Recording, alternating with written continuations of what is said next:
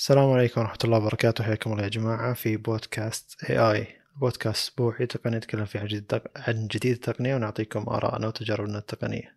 هذه الحلقة رقم 27 ومعي صالح شمعان حياك الله. هلا وسهلا. آه طيب آه، في البداية ببدأ موضوع مو موضوع خبر هو بس لكن عدة أخبار بخبر واحد اللي هو أنه في تحسن ومنافسة قوية بتطبيقات مكالمات الفيديو وكل تطبيق يبي ياخذ جزء من هذا السوق يعني ويبي يعني يتصدر المشهد الحالي إن أغلب الناس تستخدم هذا آه، هذه التقنية للتواصل يعني بينهم مكالمات الفيديو. فتطبيق جوجل دو معروف يعني هو من أفضل تطبيقات آه، مكالمات الفيديو. بيحسن جودة الفيديو إنه بيعتمد خوارزمية جديدة اسمها AV1 ما أدري شلون تشتغل الخوارزميه ذي لكن آه، جوجل لخصوا الكلام أو بسطوا الكلام قالوا إذا كان اتصالك 30 كيلو بايت في الثانية أو كيلو بت في الثانية مو كيلو بايت في الثانية آه، بتكون الجودة أفضل والخوارزميه ذي بتشتغل معك. إذا كان أقل من كذا الخوارزميه ما راح تفيدك.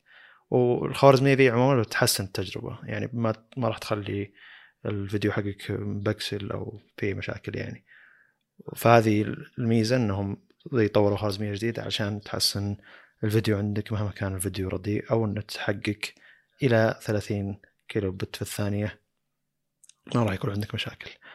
الميزة الثانية اللي أضافوها اللي هي خاصية سموها Duo moments اللي هي تقدر تاخذ لقطة لقطة شاشة لل آه، مكالمة الفيديو حقتك. لكن لقطة الشاشة العادية تقدر تاخذها من لابتوبك أو من جوالك إنك آه، بتكون الشخص اللي قاعد تكلمه ماخذ أغلب الشاشة وأنت ماخذ زاوية الشاشة اللي على اليمين وزاوية الشاشة اللي اليسار على حسب تستخدم اللغة الإنجليزية ولا العربية المهم إنه أنت ماخذ الجزء المستخدم الثاني أو. اللي اللي أنت متصل عليه بيكون ماخذ الجزء الأكبر من الشاشة والمستخدم الأساسي اللي هو ماخذ لقطه الشاشة بيكون ماخذ جزء صغير من الشاشة فالميزة ذي اللي هي Duo moments بتخلي أنت ماخذ نص الشاشة والشخص المتصل الثاني ماخذ النص الثاني من الشاشة بحيث إنكم تطلعون بصورة زي كذا اثنين في واحد علشان تكون مرتبة. فصورتين مربعة لك وله كل واحد في جانب من الصورة تكون أرتب بحيث إنك تاخذها زي ذكريات و بشكل عام يعني إن في تحسن كبير بالسوق هذا إن كل شركة قاعدة تنافس قاعدة تحاول تضيف اللي عندها قاعدة تحاول تاخذ من السوق هذا. لأن من أقوى التطبيقات اللي هو تطبيق زوم. تطبيق زوم الحين وصل عدد المستخدمين إلى 30 مليون. والأسبوع هذا نزلوا تحديث اللي هو 5.0 وحسنوا التجربة إلا أنهم مع كثرة المستخدمين بشكل مفاجئ هذا تعرضوا لحملات اختراق وراحت بعض بيانات المستخدمين أو يعني آه، تعرضوا للاختراق وهذا يعتبر شيء سيء مقابل سرعة التطور وسرعة الاتصال عندهم. واتساب في الجانب هذا أنه رفع عدد المتصلين في اتصال من أربعة إلى ثمان متصلين سواء اتصال صوتي أو اتصال فيديو. فالواتساب أيضا وفيسبوك تبي تدخل المجال هذا. أه، تليجرام نفسهم قالوا إن إحنا بنضيف ميزة الفيديو. أه، تطبيق المحبب بالنسبة لي طبعا تليجرام هو المفضل بالنسبة لي. وحتى لو إن الناس ما قاعدين ينتقلون الحين لأني أحبه كما هو الآن. تليجرام أول شيء وصل إلى 400 مليون مستخدم نشط شهريا بحيث انه في 400 مليون مستخدم يسوون شيء خلال الشهر. هذا يعتبرونك مستخدم نشط يعني. فهو في أكثر من 400 مليون مستخدم لكن في مستخدمين ما يسوون شيء خلال شهر هذول ما يعتبرون مستخدمين نشيطين لكن إذا سويت أي نشاط بتطبيق تليجرام يعتبرك مستخدم نشط فيعتبرك من 400 مليون هذه. فقالوا إن إحنا بن بيكون عندنا فيديو مكالمات فيديو خلال السنة هذه وسبب تأخرنا إن بالميزة على كلامهم إنهم حريصين على الأمان مقابل السرعه وطبعا إحنا تكلمنا قبل أظن في حلقة سبعة أو ستة جدا حلقة قديمة إنه آه، في تعارض نوعا ما بين الأمان والسرعة انه آه، يا إنه يكون خطوات أكثر عشان تقدر تدخل فما يكون في سرعة يا إنه يكون في سرعة لكن يتعرض الأمان ل إنه يكون أضعف. فنفس الفكرة الحين يعني زوم دخولك للمحاضرة سواء كنت في الجامعة أو غيرها دخولك سريع ومباشرة من تضغط على الرابط يدخلك على المحاضرة وطقت الأشياء ذي فالاستخدام جدا سريع وسهل لكن هذا شيء قد يكون هذا الشيء عرضهم للاختراقات يعني الماضية اللي جتهم لكنهم قالوا إنه بنحسن الجودة بنحسن الأمان وهذا التحديث حقهم اللي هو 5.0 حسن الجودة وحسن الأمان. ف زي اللي هذا اللي صاير بسوق مكالمات الفيديو والمكالمات الصوتية والجماعية مع الكورنتين والحجر الصحي اللي صاير الحين آه، في العالم أغلبه فارتفع السوق على هذا السوق إيه على هذه التطبيقات فزي اللي تحسن التطبيقات بشكل أكثر ودايم آه، إذا ارتفع الطلب وزادوا الناس المستخدمين أو المفروض إنه يكون. تكون منافسة أفضل يعني فوش رأيك بالسوق ذا وش صاير فيه؟ أه والله مثل ما قلت أنت صح يعني أكيد كثرة استخدام والاعتماد على هذه التطبيقات بيحسنها بلا ادنى شك وبيزيد الاهتمام فيها اولا وثانيا أه يعني في شيء صراحة صار وعلق عليه كم شخص بس ما أتوقع انه أخذ الصدى اللي يستحقه اللي هو أنه زوم مع كثرة التوجه الهائل من المستخدمين يعني مع اللي صار من ناحية انه حتى الجهات اللي ممكن نقول رسمية زي مثلا يعني الدكاترة بالجامعة حتى يقولون لك يعني آه، المحاضرة بتكون على الرابط الفلاني بزوم ويدخلون طلاب كثير وإلى آخره. يعني لدرجة إن بلاك بورد نفسه تجي مشاكل وزوم ما تجي مع إن بلاك بورد ما يستخدمونه للجامعات وزوم يستخدمه أي شخص يعني بالدنيا آه هذا شيء وشهادة قوية جدا بزوم. آه ويعني بال زي ما تقول بال infrastructure البناء حقه إنه فعلا يعتمد عليه وإلى آخره. شيء مبهر صراحة اللي صار اللي سوته يعني زوم شيء قوي قوي جدا إلى أبعد درجة بالنسبة لي. حتى استغربت إنه يعني قلت على الأقل لو لو تطيح سيرفراته مثلا مرة واحدة وتنحل المشكلة مسامحهم ولا يعني بكون وقتها لا زلت منبهر في إنهم فعلا استجابوا للضغط بدون أي مشكلة. يعني ما قالوا لك آه، لازم تشترك لازم تسوي أي شيء من هذا القبيل. آه، عموما زوم بالنسبة لي أفضل إني أستخدمه على ال PC أو الكمبيوتر عموما على ويندوز مثلا وأستخدم جوجل دو على الجوال. السبب أحس انه يعني الواجهة حقت زوم يعني old school شوي تصلح الويندوز. وفعلا هي ما هي user friendly زي دو أبد. دو ما عندك خيارات أصلا يعني أنت تفتحه يفتح لك الكاميرا ويطلع لك جهات الاتصال بس. تدق وانتهى الموضوع. زوم لا يمديك تسوي meeting يمديك تدق على شخص يمديك تفتح شات وزي كذا. فأنا ما اشوفهم يتشابهون.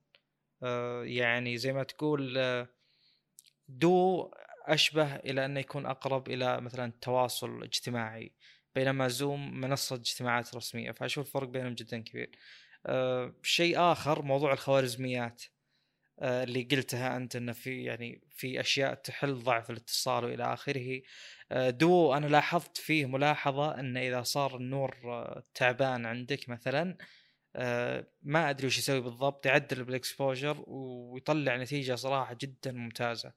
آه نتيجة مرة مرة ممتازة. يعني أنا من زمان وأنا أستغرب إنه لو كان في بيانات يعني للكاميرا من ناحية إنه وش هذا الشيء اللي قدامها بس البيانات هذه ما هي واضحة للشخص اللي بيشوف. هي واضحة للكاميرا الكاميرا تقدر تفرق بين الشيء اللي هي تلتقطه. بس بالشاشة مو باين. مفروض إنك تقدر تعدل ال exposure نوعا ما ترفع بس سطوع بعض البكسلات وتتحسن الصورة. عموما أنا ما أدري عن وش خبايا هذا الموضوع بالتحديد بس إن اللي تسويه الكاميرا يعني الكاميرا باستخدام دو تحت الإضاءة المنخفضة شيء مرة ممتاز مرة مرة ممتاز. اللي ما جرب يجرب وأتوقع بيبين معه كيف إنه فعلا يعني لدرجة إنه أحيانا والله يكون النور عندي مو مرة ممتاز بس إنه آه، مو مشغل الوضع هذا اللي هو حق يعني وضع الإضاءة المنخفضة. فأحاول اضاعف النور شوي عشان يشغله لأنه فعلا ممتاز. ف يعني الملخص عموما ان بالبداية قلت إن زوم ودو يختلفون نوعا ما. التوجه يعني وضع حجر الصحي فعلا حسن. آه، يعني النظامين هذولا. والشيء الأخير اللي هو الكاميرا دو جدا ممتازة. طيب إحنا عندنا طبعا في واتساب مكالمة واتساب محجوبة نهائيا يعني ما تقدر تتكلم فيها سواء فيديو أو مكالمة صوتية. واللي صار الفترة ذي اللي يعني زي اللي خاصة عندنا إن الناس ما قالوا أوه واتساب ما نقدر نكلم فيه مكالمات صوتية ولا فيديو. بينما راحوا يكتشفون حل ولقوا آه، اللي هو دو. وأغلب الناس يستخدمون جوجل دو يعني الأهل في الغالب يستخدمون جوجل دو في التوا... في التواصل فيديو يعني. فشيء جيد إن يعني ما نجي نقول انه زي أول كنا نشتكي إن ما نقدر نكلم الناس مكالمات صوتية على الإنترنت أو نكلم مكالمات فيديو على الإنترنت. بينما الحين في الغالب يعني. أنا سابقا يعني. الحين كل ما جاء مستخدم جديد للدو يطلع لي إنه ترى ذا المستخدم جاء الدو زي ما يجي التليجرام. أقدر ألغي الميزة ذي لكن مخليها أبي أشوف عدد الناس اللي حولي اللي قاعد تستخدم دو بشكل جديد وقاعد تحمله يعني. وكل يوم ثلاثة أربعة يجون يعني. فيعتبر شيء جيد. بينما أو أول لما أبي أكلم واحد من خلال تطبيق جوجل دو يعني فأجي أكتشف إنه ما يستخدم تطبيق أو ما حملها أصلا يعني. فيعتبر شيء جيد إن الناس اكتشفت زي تطبيق مثل هذا تطبيق محترم لكلمات الفيديو والصوت نقدر نكلم فيه بعضنا بشكل مجاني والإنترنت موجود بكل مكان تقريبا. آه هذه تعتبر نقطة جيدة. النقطة الجيدة الثانية لتطبيق جوجل دو إنها إن جوجل قاعد تجتهد علشان تخلي تطبيقات الواجهات الثانية لأجهزة أندرويد تدمج مكالمات الفيديو في في التطبيق حق الرسمي حق الهاتف للجهاز. فالحين لو معك جهاز سامسونج ودخلت على تطبيق الهاتف الرسمي وضغطت على أي رقم حاولت تتصل فيه فيديو بيروح يفتح لك جوجل دو بشكل مباشر عشان تتصل فيه. هو نفس الفكرة موجودة بتطبيقات أو بتطبيق ون بلس حق الهاتف الرسمي. إذا حاولت تتصل بأحد فيديو بيحط لك أصلا الشعار حق جوجل دو ومن تضغط عليه بيتصل عليه بيدخلك تطبيق جوجل دو وبيشتغل معه بشكل مباشر كمكالمة فيديو. وهذا يعتبر شيء خرافي. ما يحتاج أحط آه، جوجل دو على الواجهة علشان أقدر افتحها وأروح أكلم أحد فيديو. نفس تطبيق الاتصال هو اللي يقدر يتصل بالشخص هذا فيديو. ف زي اللي هذا شيء يسهل تجربة المستخدم ويخلي التطبيق هذا آه، يستخدم بشكل أكثر وزي اللي يعتبر رسمي عند الناس بشكل أكثر. شيء جدا رهيب. أيضا ف... فيه معليش نقطة بما إنك جبت طاري التطبيق الرسمي للمكالمات أول ما تخلص الظاهر أول مكالمة لك بدو بالذات إذا كانت صوت بيقول لك ترى يعني بياخذ إذنك إنه يحط المكالمه أو مكالمات جوجل دو بال بال recent بال log هذا اللي هو حق آخر مكالمات مكالمات جميل. الحديثة فيدمجهم مع بعض يعني جميل هذا حتى جهاز ما هو من الأجهزة ذي اللي قلتها تو ما هو من الواجهات اللي اللي تو يعني. آه، يعني مو بس ون بلس وسامسونج تقدر أيه. تضيف الميزة ذي إن آخر اتصالات الفيديو كذا كذا كذا. طيب. آه، تعتبر ميزة جميلة يعني. فعلا. طب نكمل؟ روح اللي بعده نكمل. آه اللي بعده اللي هو إن آه خطوة مماثلة للي سوته مايكروسوفت مع السيرفس Pro X اللي هو إن نبدأ نعتمد على معالجات ال RISC اللي هي ال reduced المعالجات الأكثر محمولية وتوفير للطاقة. أبل آه، آه، في أخبار وإشاعات تقول إنها في 2021 بتنزل نسخة آه، نسخة macOS ايا كان يعني الجهاز على أرم. فهي نفس الخطوة نفس ال 8cx حق سناب دراجون بيجي مثيل له على أبل. بيكون 12 نواة. 5 نانو لأن مثل ما ذكرنا طبعا هذه كلها أخبار ترى مبنية ومرتبطة بشكل كبير باخبار نذكرها قبل فهي سلسلة يعني نوعا ما متصلة. أه قلنا إحنا إن في 2021 غالبا بيكون يعني وقت وصول الخمسة نانو.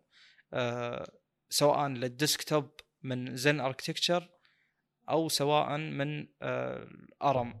فالخمسة نانو هذه بتكون 12 نواة ثمانية منها اسمها فايرس فاير ستورم. نسيت والله شو اسمها. آه إيه ثمانية اسمها Firestorm وأربعة Icestorm fire يعني نار و ice يعني ثلج عموما المقصد أتوقع واضح والفكرة واضحة أن ثمان نواه بتكون للأداء وأربعة في حال يعني standby ووضع توفير الطاقة وإلى آخره.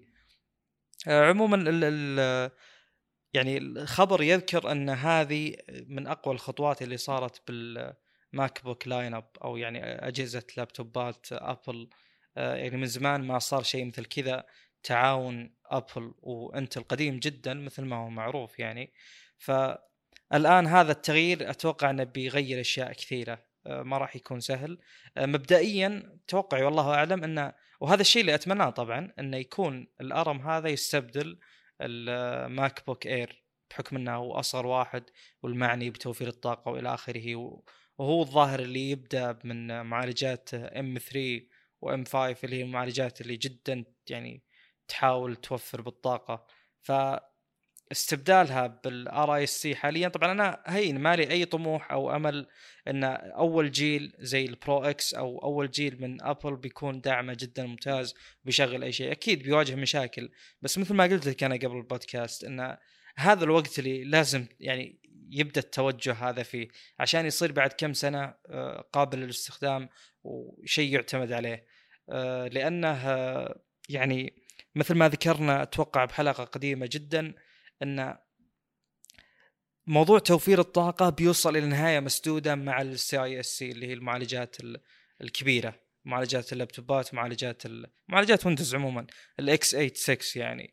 آه هذه آه يعني ما راح توصل إلى مواصيل آه أرم بتوفير الطاقة نهائيا. يعني أنا ما أتصور أن هذا الشيء بيحصل.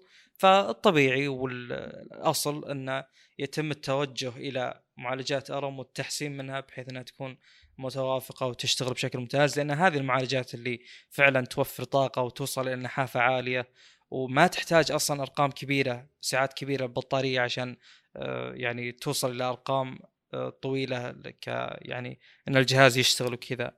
فهذا الشيء المتوقع مثل ما قلت وهذا الشيء اللي بيصير. مع ابل أيضا.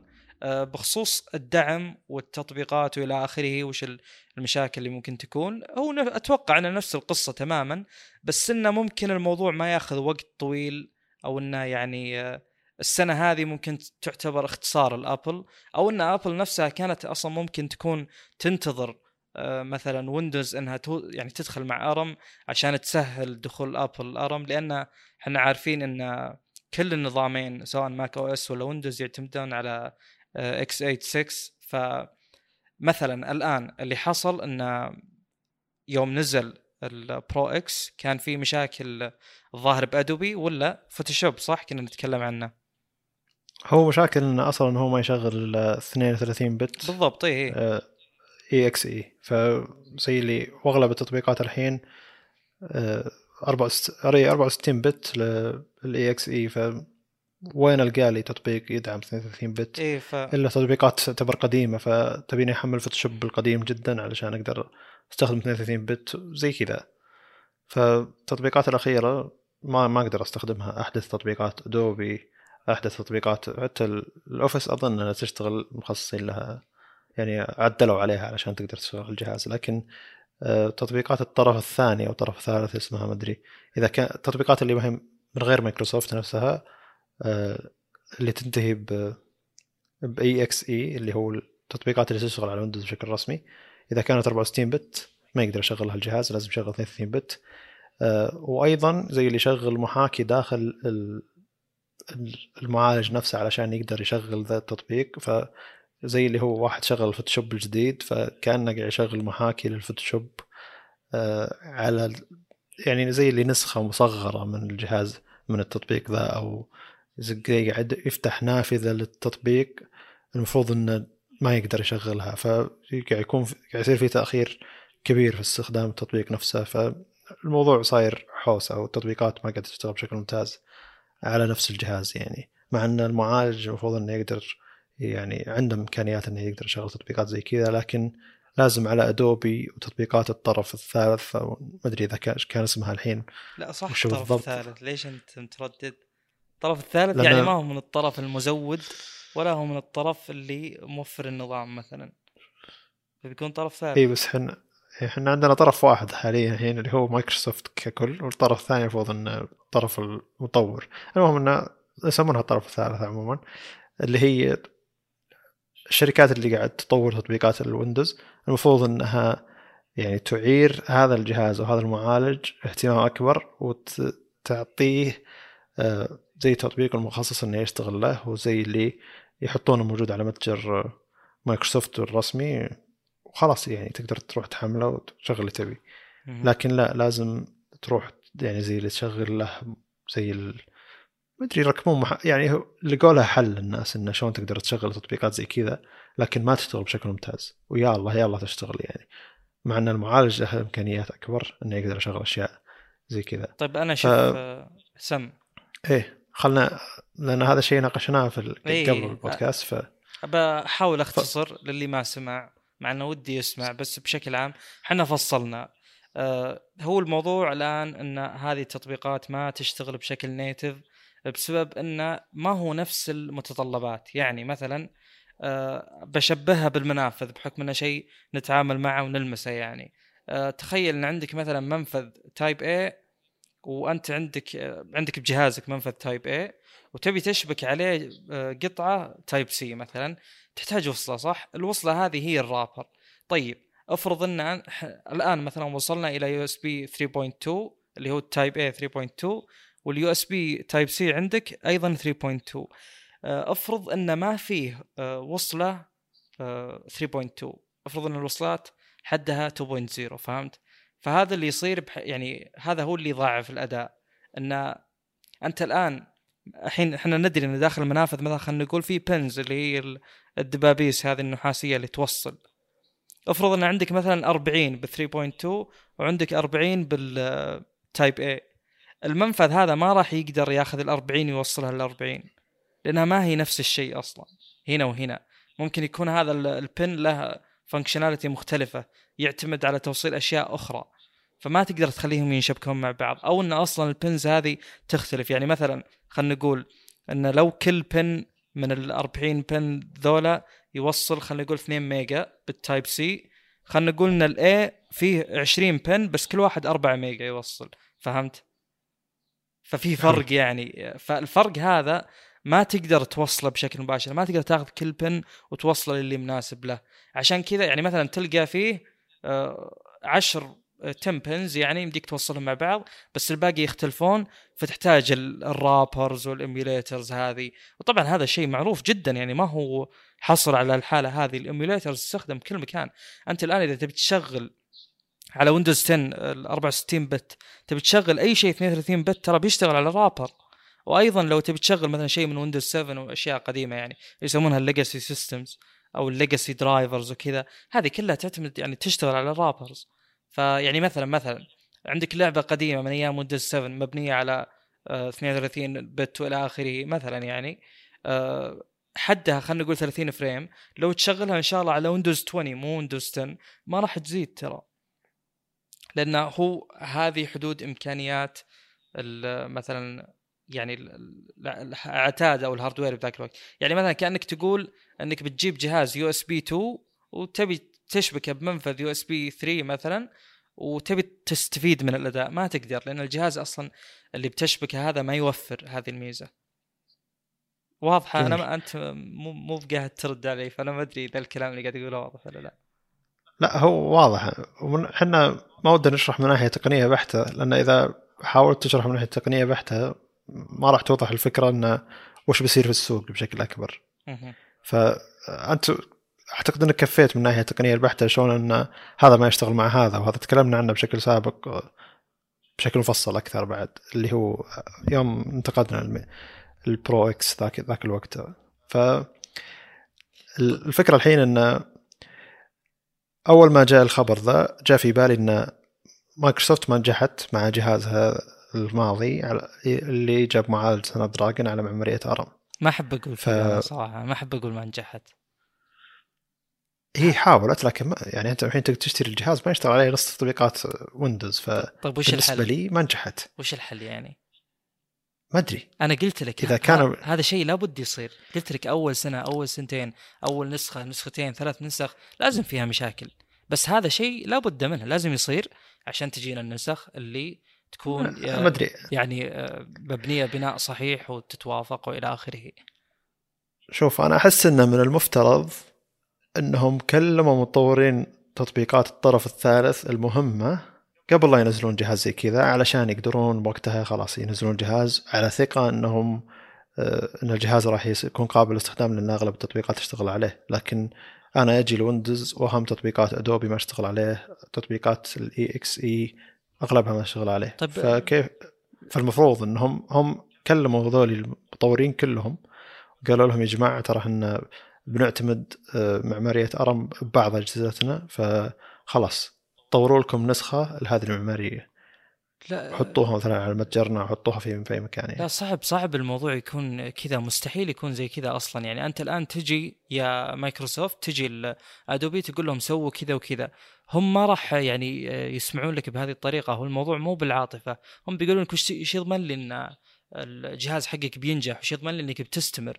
فأكيد إنهم ما راح. يدخلون إلا إذا كبر السوق وشافوا انه فعلا في مستخدمين والتطوير مم. هذا مكلف فطبيعي إني ما راح يعني- أدخل إلا وأنا ضامن.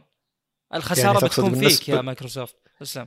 يعني يعني بالنسبة للشركات هذه ما تكفي كلمة مايكروسوفت إن المستقبل هو ARM بالأجهزة المحمولة ما تكفي ما- كلمتهم. ما في أي شك. يعني لازم هم يبونك أنت يا مايكروسوفت أنت اللي تاكل المشكلة ذي أنت اللي تتوهق أنت اللي يعني إذا. نزلت الجهاز هذا هو يمكن ما ينجح بالأخير. فأنت لا تخسرهم صحيح. معك يعني. حلو. يعني زي اللي تطبيقات طرف ثالث تقول إن إحنا ما إحنا مطورين لك نسخة إلا إذا كثرت الأجهزة بالسوق هذا ذاك الوقت إحنا بنطور. لك نسخة طبعاً علشان هذا اللي الناس اللي بالواقع. تجي تقدر تشتري زي ويندوز موبايل مثلا يعني. أكيد انه في مطورين كثير ما راحوا هناك لأنه ما في مستخدمين. أقدر أطور لك نسخة مخصصة وآخر شيء ما حد يستخدمها. عندي مطورين أنا بشغلهم بأشياء أخرى.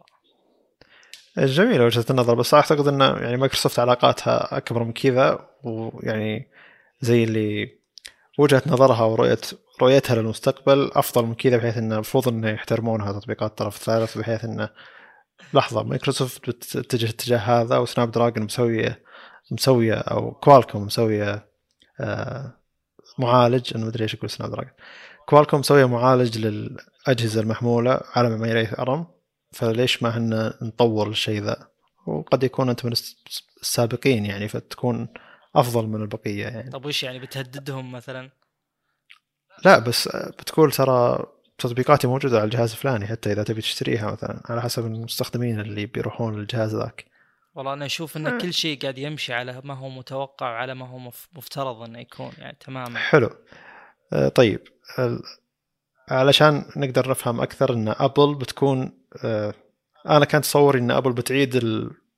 بتعيد العجلة هذه من جديد وتتطور من جديد أو تكلم المطورين آه، طرف ثالث من جديد. بينما أبل بتكون أيضا لأنها قاعد تستخدم معمارية ARM ومايكروسوفت لها تجربة مع معمارية ARM قبل سنة اللي هو أو 2019 2020 الحين. ف أبل بتستفيد من اللي سوته مايكروسوفت لما أخذت معالج كوالكوم اللي بمعماريه ARM اللي هو ال SoC فبتكون مستفيدة من تجربة مايكروسوفت وبتكون مستفيدة من أغلب الشركات اللي حاولت تطور للمعمارية ARM أو تطبيقاتهم فزي اللي في نسخة خاصة من فوتوشوب أو اي نسخة يعني زي نسخة إيه في نسخة مخصصة لمعماريه ARM اللي هو نسيت البرنامج اسمه. المهم برنامج ادوبي مخصص للرسامين يشتغل على معمارية أرم بشكل أفضل من ما يشتغل على غيره. فزي اللي النسخة ذي مخصصة للجهاز هذا وخاصة استعرضوه حتى في المؤتمر حقهم إن التطبيق هذا مخصص للرسامين الرسامين مخصص لهم الجهاز هذا. أدوبي تعاونت معنا علشان نصدر التطبيق هذا للجهاز هذا وللمعمارية هذه. ف ابل ما تحتاج تعيد الكلام للمطورين لأن خلاص عندهم نسخة تشتغل على معمارية أرم. فمعمارية ARM نفسها يعني المفروض إنها تكون خلاص لهم تجربة بحيث إنهم يقدرون ينقلون نفس هذا التطبيق إلى أبل اللي هي بتكون معماريه ARM السنة الجاية مع TSMC صح هو أكيد أكيد انها بتكون أرخص بالنسبة للأدوبي مثلا وأسهل ولهم تجربة سابقة يعني بتحويل شيء من x86 إلى ARM. وأنا أجزم يعني في في داخلي في خيالي إن اللي حصل إن أبل ومايكروسوفت كل ينتظر الثاني انه يتخذ هذه الخطوة ويأخذ الخسائر الأكبر. لأن مثل ما قلت في البداية أن هذا الشيء اللي لابد منه اللي بيصير أصلا يعني هو صاير صاير. فلازم شخص يعني أو شركة من أحد الشركتين هذولا تأخذ الخطوة وتبدأ فعليا. طيب أكمل في كم نقطة بعد بذكرها طيب أنا بقول الشيء اللي ليش أنا متحمس لتطبيق المعالجات زي كذا.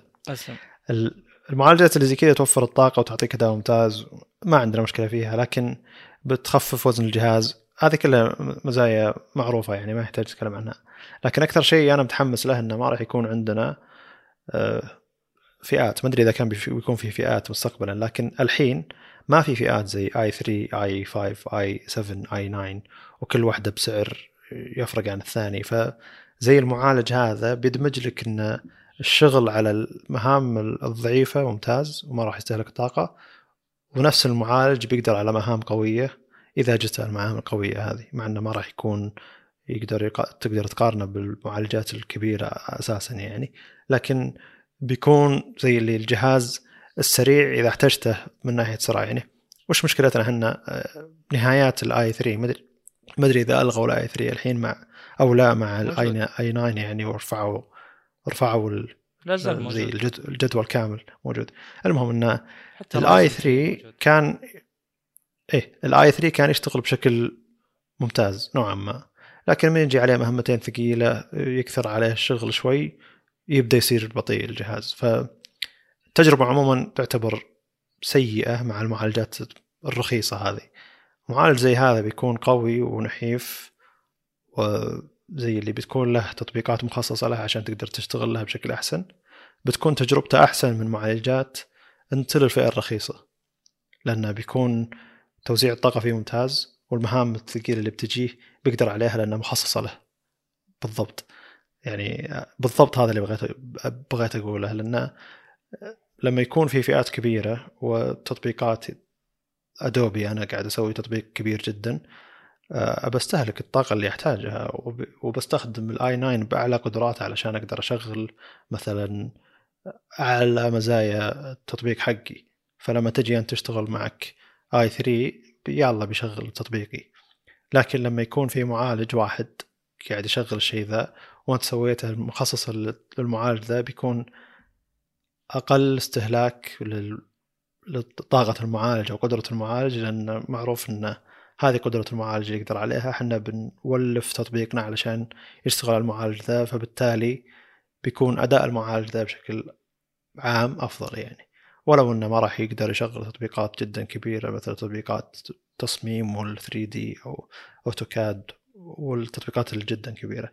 لكنه بيشغل التطبيقات الصغيرة وبيوفر فيها طاقة بشكل أفضل وبيشغل التطبيقات المخصصة لها بشكل أفضل من ال i3 لأن ال i3 قاعد يشغل تطبيقات مخصصة لل i9 مخصصة أو يعني شركات تتوقع إنك أنت تشغلها على معالجات أكبر.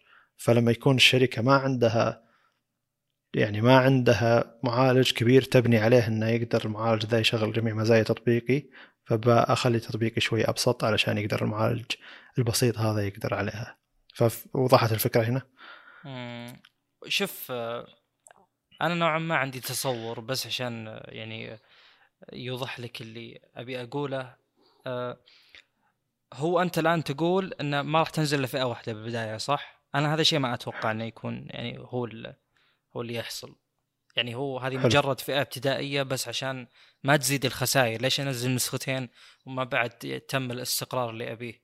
آه، لأن مثل وضع الجوالات أكيد بتنزل أكثر من نسخة. طبيعي جدا يعني. أو جميل. حتى لو تنزل نسخ بترددات مختلفة. عموما هذه النقطة الأولى. النقطة الثانية الآن الجوالات تتحسن بشكل كبير صح؟ المعالجات الصغيرة هذه تتحسن بشكل كبير فممكن مستقبلا يعني خلاص تصير هي الأساس. وأنا هذا قلته من زمان يعني يمكن بداية الحلقات يعني أول يمكن خمس حلقات. ذكرت أن الأصل ان التوجه ولو طالت المدة أن ال RISC اللي هي ال ARM أنها بتاخذ بتاخذ بتسيطر. آه، شيء ثاني هذا الشيء طبعا ممكن ياخذ وقت طويل مثل ما ذكرت الشيء الثاني آه، اللي بيحصل بالسوق والشيء اللي متأكد منه تماما إنه بيصير فصل كبير بالسوق إن آه، هذه من أكبر التغيرات اللي صارت. هذا ما هو مجرد تغير Intel راحت وسيطرت بدالها اي ام دي ابدا. انتل اي ام دي ينافسون بنفس المجال تقريبا بس نوعا ما فلسفة مختلفة.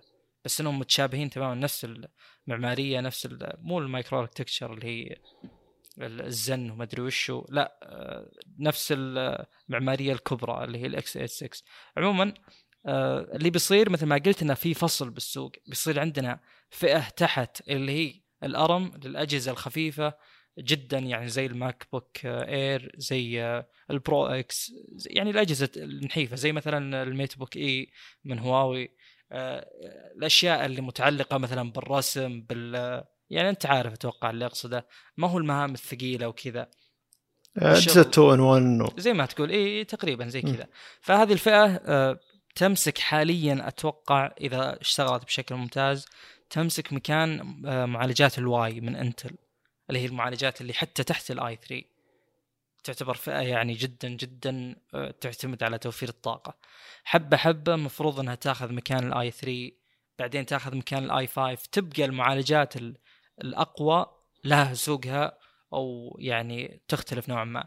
وأنا أتوقع أيضا في يعني نفس الفكرة هذه اللي هو إنه ينفصل السوق إنه بيصير في فرق كبير جدا. يعني ما تقدر تجمع بحسب يعني تصوري البسيط المتواضع. ما في شيء راح يشتغل على المعالجين أو على المعماريتين بشكل native بشكل يعني ما أدري يعني شلون أترجم نيتف بس يعني بشكل طبيعي. أس...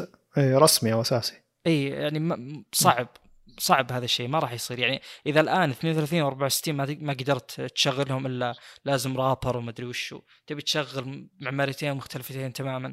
مستحيل. ف يعني ما أدري إيش بيصير بالسوق لكن الفصل بيكون والفجوة اللي بين الفئتين هذه بتكون جدا كبيرة. يعني أتوقع إنه بيصير في أشياء مخصصة يعني بيصير في زيادة تخصيص بدل ما أستخدم Premiere على كل الفئات يمكن يجيك مثلا Rush لل ARM ويجيك Premiere خلاص الفئات ال CISC اللي هي ال x86 ف واضحة الفكرة فكرة الفصل هذا اللي أقصدها. انه بيكون في فجوه جميل. كبيره أنا يعني. أنا ما أقدر أستخدم جهاز واحد لكل شيء. صحيح بس أنا الحين قاعد أفكر لو لو تطور لو تطورت التطبيقات خلاص وتطورنا جدا في المجال انه في تطبيقات مخصصة للمعماريه هذه. قاعد تصور تطور فئة ال 2 in 1 زيادة وقاعد تصور أثرها على ال iPad اللي سعره غير معقول الحين ويعتبر آه، زي اللي في تطبيقات مخصصة لها بشكل ممتاز. لكن ماذا لو اشتغلت Windows على full Windows اللي هو نفس الموجود على ال Pro X أو X Pro نسيت اسمه بالضبط X. اللي هو ال Surface. ال Surface Pro X اي زي اللي لو تطورت له تطبيقات جدا صار عملي من ناحية الناس ال creatives المبدعين أو المنتجين يعني. آه، يعني قديش بيكون هذا مأثر على السوق انه 2 in 1 بيسيطر أكثر وبيكون أنحف بيكون آه، يعني أنحف أجود من ناحية التطبيقات المخصصة له شلون بيشغلها بشكل أفضل. آه، وبيكون توفير الطاقة مو لازم نعيد المزايا كل شوي لكن هذا بشكل مباشر إذا تطورت له تطبيقات بشكل قوي جدا ويشغل full Windows أظن إن هذا يعني بيجي الوقت اللي تقول لل iPad اللي قاعد يحاول يصير كمبيوتر ترى فيه Windows بمعمارية ARM وفي Windows بالمعمارية الأكبر زي اسمها اللي هي بيكون يعني زي اللي في فئة تنافس ال iPad اللي أنتم الحين مزعجيننا فيه بشكل مباشر. يعني زي اللي هذه 2 in 1 تنافس ال iPad ولها تطبيقات مخصصة لها. مو 2 in 1 رخيص مو شرط رخيص. مو 2 in 1 كبير ويستهلك طاقة ويشغل Windows كامل ما عنده مشكلة يشغل تطبيقات Windows ثقيلة.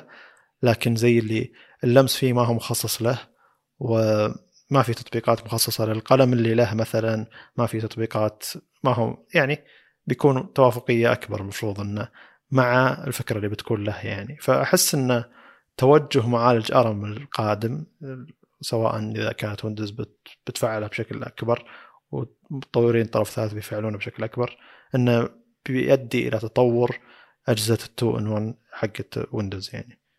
ما أدري هذا تصور جدا مستقبلي وقد يكون أساسا الحين 2 in 1 يعتبر مسيطر على السوق يعني فما يحتاج يسيطر أكثر يعني. إلا أنه بيكون تطوره أفضل يعني إذا كان فعلا آه، مطورين طرف ثالث يركزون على معماريه ARM اللي بتجي على Windows بشكل أكبر. آه، شوف ال iPad على فكرة يعني هو مجرد فصل وتصنيف لأجل التصنيف يعني هو زي بيئة ال iPhone تماما نفس المعالج نفس الرامات نفس إلى آخره أنا ما أعرف ولا أذكر إن في فرق أصلا فهو مجرد شوف. فصل آه، فئة مستهدفة فصل سوق آه، مو بزي الفصل اللي صار ب ARM يوم تنزلها على معمارية كبيرة اللي هو ويندوز أو ماك OS فممكن الآيباد يعني أتوقع انه إذا صار فيه ARM آه، عند ماك OS مفروض إن سوق الآيباد ينوكل خلاص. ما أدري وش تصور أبل من هذه الناحية. هل بينزل ال ARM بس على الماك بوك إير؟ ما راح ينزل يعني الجهاز فيه لمس؟ آه، ممكن بس أنا ما أشوف إنه مشروع ناجح يعني. أنا هم مبخص أكيد طبعا. بس أقصد إنه يعني آه الآيباد ممكن ما يكون له مكان بالذات إذا صار فيه ARM ممتاز يشتغل بشكل ممتاز على ويندوز ودخل سوق ال two in 1 اللي يعتبر هائل صراحة. آه، الآيباد يعني ما راح يصير مغري ابدا في ذاك الوقت. شوف الآيباد يعني النقطة الوحيدة اللي خلتها قوي إن متجر أبل نفسه في تطبيقات مخصصة على الآيباد تشتغل على الآيباد بشكل وغير مخصصة للآيباد. فأنت لما تدخل في تطبيقات الايباد مخصصة. المطورين اللي يطورون ال iOS هم من أكثر المطورين يطلعون فلوس تقريبا لأن في الغالب على أجهزة ويندوز ولا الاجهزه الثانية الأنظمة شوي أكثر مفتوحة أكثر شوي ال crack شغال بشكل أكبر يعني. فما في عدد المشترين الموجودين على iOS أو iTunes يعني فالناس يعني المطورين المجتهدين جدا علشان يقدرون يطورون للايباد تطبيقات قوية جدا قاعد يطورونها علشان iTunes صعب جدا تكرك منه أي تطبيقات ف ما عندي مشكلة أسوي تطبيق قوي جدا للآيباد ويشتغل بشكل خرافي على الآيباد برو وبشكل مو طبيعي. يعني أغلب الناس قاعد يقولون إنه أوه الجهاز الحين عملي يصلح إنك تمنتج عليه يصلح إنك تسوي عليه تعدل عليه صور يصلح إنك يعني أقصد إنه قاعد يستخدمونه حق مهام الناس المنتجين المحتوى يعني. ف غالب هذا الكلام ليش؟ لأنه مخصص له مطورين آه، يعني للآيباد فقط وهذول المطورين قاعد يطلعون فلوس فلما تركز مايكروسوفت على السالفة ذي إنه أنت المطور تقدر تطور عندنا وتقدر تطلع فلوس بشكل ممتاز على معمارية ARM هنا بتكون بشكل يعني بيشتغل بشكل أفضل أو المعماريه ARM بتتحسن أو ويندوز مع معمارية ARM بيشتغل بشكل أفضل والتطبيقات بتكون أحسن لكن لازم مايكروسوفت يكون عندها معرفة أن المطورين ذول يحرك لهم فلوس يحركهم عدد المستخدمين اللي يمكن يشترون منهم فلازم يكون متجرها أفضل وخاصة لمعمارية ARM يعني. مع أن يعني أقصد المطورين الطرف الثالث الكبار عندهم مواقعهم وتقدر تروح تشتري منهم بشكل مباشر وهم ما يهمهم أن يكونوا موجودين على متجر جوجل متجر مايكروسوفت ولا iTunes ولا غيرها هذا مصدر دخل ثاني يعتبر. فمصدر دخلهم الرئيسي هو موقعهم والناس اللي يشترون منهم. ف لازم مايكروسوفت تفكر من الناحية ذي. هي فشلت مع ويندوز فون إنها تجيب المطورين وتخليهم يدخلون فلوس لأن قاعد تعطيهم فلوس بشكل مباشر والناس ما قاعد يجون. فما في مطور فما في مستخدمين يدفعون فلوس ياخذون التطبيقات ذي ولا يعني ولا المطور قاعد يستمر علشان مايكروسوفت ما قاعد تعطيه فلوس بشكل مستمر. ف زي اللي المطورين هم يقدرون يقودون السوق هذا تطبيقات طرف ثالث هي تقدر تقود السوق هذا وتأثر عليه بشكل أكثر من أن الشركة نفسها هي تبي تنزل أجهزة زي هذه. لأن المستخدم إذا شاف ما في تطبيقات تفيده ما راح يشتري الجهاز هذا. وهذا اللي قاعد نشوفه مع جهاز مايكروسوفت الأخير يعني. شوف أنا أشوف إن الموضوع يعني معقد بشكل كبير وحلقة كبيرة من الجهات اللي لازم تتحد عشان يعني يتم نجاح أحد الأشياء هذه. إحنا ما نقدر نقول إنه والله مجرد مطورين وبس وانتهى الموضوع. يعني أنت الآن مثلا عندك لازم آه، يعني توفر بيئة ممتازة للمطورين. وش البيئة الممتازة؟ اللي هي مثلا لغات البرمجة دعمها ب frameworks libraries إلى آخره. يعني مثلا الآن أنا بدل ما أصمم يعني أتوقع مستخدمين الأجهزة يعني بيعرفون اللي هو فيه app drawer غالبا بأغلب التطبيقات اللي هو ثلاث شرطات. شيء تسحبه يطلع لك قائمة إعدادات مثلا زي جوجل مابس اللي تسحبه من يسار بحسب اللغة يسار أو يمين. عرفتها ولا؟ إي Material Design هذا يعني. اي بشكل عام بشكل رسمي. بفلتر هذا مثلا شيء فريم ورك Flutter مدعوم بشكل مباشر. بس تحط كذا app drawer وتفتح parameter وخلاص تحط أي شيء تبيه. آه هذه الأشياء هي اللي تسهل مثلا للمطورين. يعني الحين آه أنا ما أدري وش طبيعة التطوير في آه الويندوز المبني على ARM. وش اسمه هو؟ ويندوز نسيت والله وش اسمه. بس عموما التسهيل للمطورين هذا شيء آه، إنك تسحب المطورين شيء ثاني آه، وش الأشياء اللي ممكن تنجح هذا المجال مثلا؟ يعني وش نوع التطبيقات اللي آه، يعني المستخدمين بحاجة لها؟ فالموضوع اعقد بشكل كبير يعني بشكل كبير جدا جدا. وأتوقع إن ويندوز يعني ما دخلت وجهزفت بدون أي دراسة جدوى للفكرة هذه نفسها. مثل ما قلت في البداية بعد هذا كله إن هذا الشيء حاصل حاصل. آه، لأن أرم يعني أجدر بهذا المجال لكن الموضوع بياخذ هذا ألو... بياخذ وقت. أجدر بالمجال الأجهزة اللي توفر طاقة وتكون نحيفة وكذا وإلى آخره. آه، مثل ما قلت ملخص سريع جدا آه، وكررته أكثر من مرة. الموضوع فيه مشاكل كثيرة بس لازم يحصل وتنحل المشاكل عشان نقدر يعني نستخدمه بشكل فعال. مستحيل إنه ينجح من أول مرة مستحيل. شيء يعني جدا جدا جدا مستحيل. ويندوز للحين تجي مشاكل. عشان يجيني نظام جديد بمعمارية وبيئة مختلفة ويصير بدون مشاكل هذا شيء صعب. جميل. طيب إحنا ترى طورنا الموضوع هذا يمكن أكثر مواضيع طولنا فيها البودكاست بس لازم عشان يفهم المستمع إن هذا من أكثر الأشياء اللي بتغير في عالم التقنية صحيح مستقبلا. أتفق تماما. فطبيعي يكون عليه كمية الكلام هذا. و, و... تغيير جذري. عجيب إن سوق إيه عجيب إن سوق التقنيين بشكل عام أو يعني الناس اللي هم بالتقنية ما قاعد يتكلمون عن الشيء ذا ولا قاعد يجي طاري نهائيا. ممكن تلقى عليه اي ممكن تلقى عليه كم شرح في يوتيوب اجنبيه وكذا وشلون قاعد يصير أو من الناس اللي جربوا الجهاز حق مايكروسوفت يعني ممكن تلقى عليه وش المشاكل اللي صارت معهم وشلون ممكن يستخدمون الجهاز بشكل أفضل. لكن الرؤية المستقبلية هذه أو يعني كلامنا ذا اللي مفصل عن التوقعات اللي حن حتى إحنا ما ندري وش بيصير زي التخمين اللي ممكن قاعد نسويه الحين آه هذا يعني من الأشياء المستقبلية اللي ما نقدر نتأول فيها والأشياء اللي إحنا متحمسين لها علشان تطور الأجهزة المحمولة بشكل أفضل لأن اللابتوبات زي اللي ثابتة بشكل غريب السنوات الماضية. آه طيب نجي لموضوع روتيني يعتبر اللي هو موتورولا أصدرت جهاز رائد يعتبر جهاز رائد موتورولا Edge Plus سمته. آه الجهاز سعره ألف دولار يجيب شاشة OLED 6.7 إنش استغلال مساحة الشاشة 95% تقريبا فيعتبر جدا استغلال ممتاز. الكاميرا الأمامية حفرة على الشاشة. آه، دقة الشاشة 1080 آه، تردد الشاشة 90 هرتز آه، يعتبر شيء ممتاز جدا يدعم HDR plus. المعالج 865 الذاكرة 256 RAM 12 جيجا RAM. الذاكرة سرعة الذاكرة UFS 3.0 يجي تقريبا ثلاث أربع كاميرات أو أربع ثلاث كاميرات ومستشعر آه، عمق ميدان. المستشعر الأول اللي هو ال 108 ميجا بكسل اللي بين آه، شاومي وسامسونج معروف ذا المستشعر تكلمنا عنه واجد اللي هو ال wide وال telephoto 8 ميجا بكسل اللي هو 3 x optical zoom اللي هو 3 x zoom وال ultra wide اللي هو 16 ميجا بكسل ويعتبر تعتبر كاميرا ممتازة.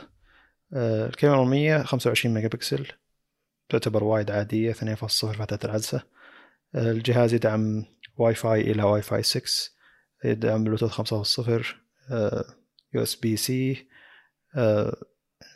طيب. أظن أن في منفذ 3.5 هذا شيء يعتبر غريب. وفي stereo speaker. فزي الجهاز ب 5000 ملي أمبير. وال 5000 ملي أمبير هي اللي أثرت على الوزن اللي هو 203 جرام. والسماكة اللي هي 9.6 ملم يعتبر جدا سميك. لكن الجهاز تقريبا 21 9 19 أو 20 9 يعني. 19 ونص 20 9 غير مؤكد يعني إلى الحين. لكن الجهاز يعتبر طويل. نفس يعتبر ضخم. الظاهر ريزولوشن فطبيعي إنه بيكون 20 9 جميل. الجهاز حصري داخل أمريكا لشركة اتصالات واحدة. وحصري مدى الحياة لشركة اتصالات هذه فما راح تل... ففي أمريكا ما راح تلقى عند غير الشركة هذه.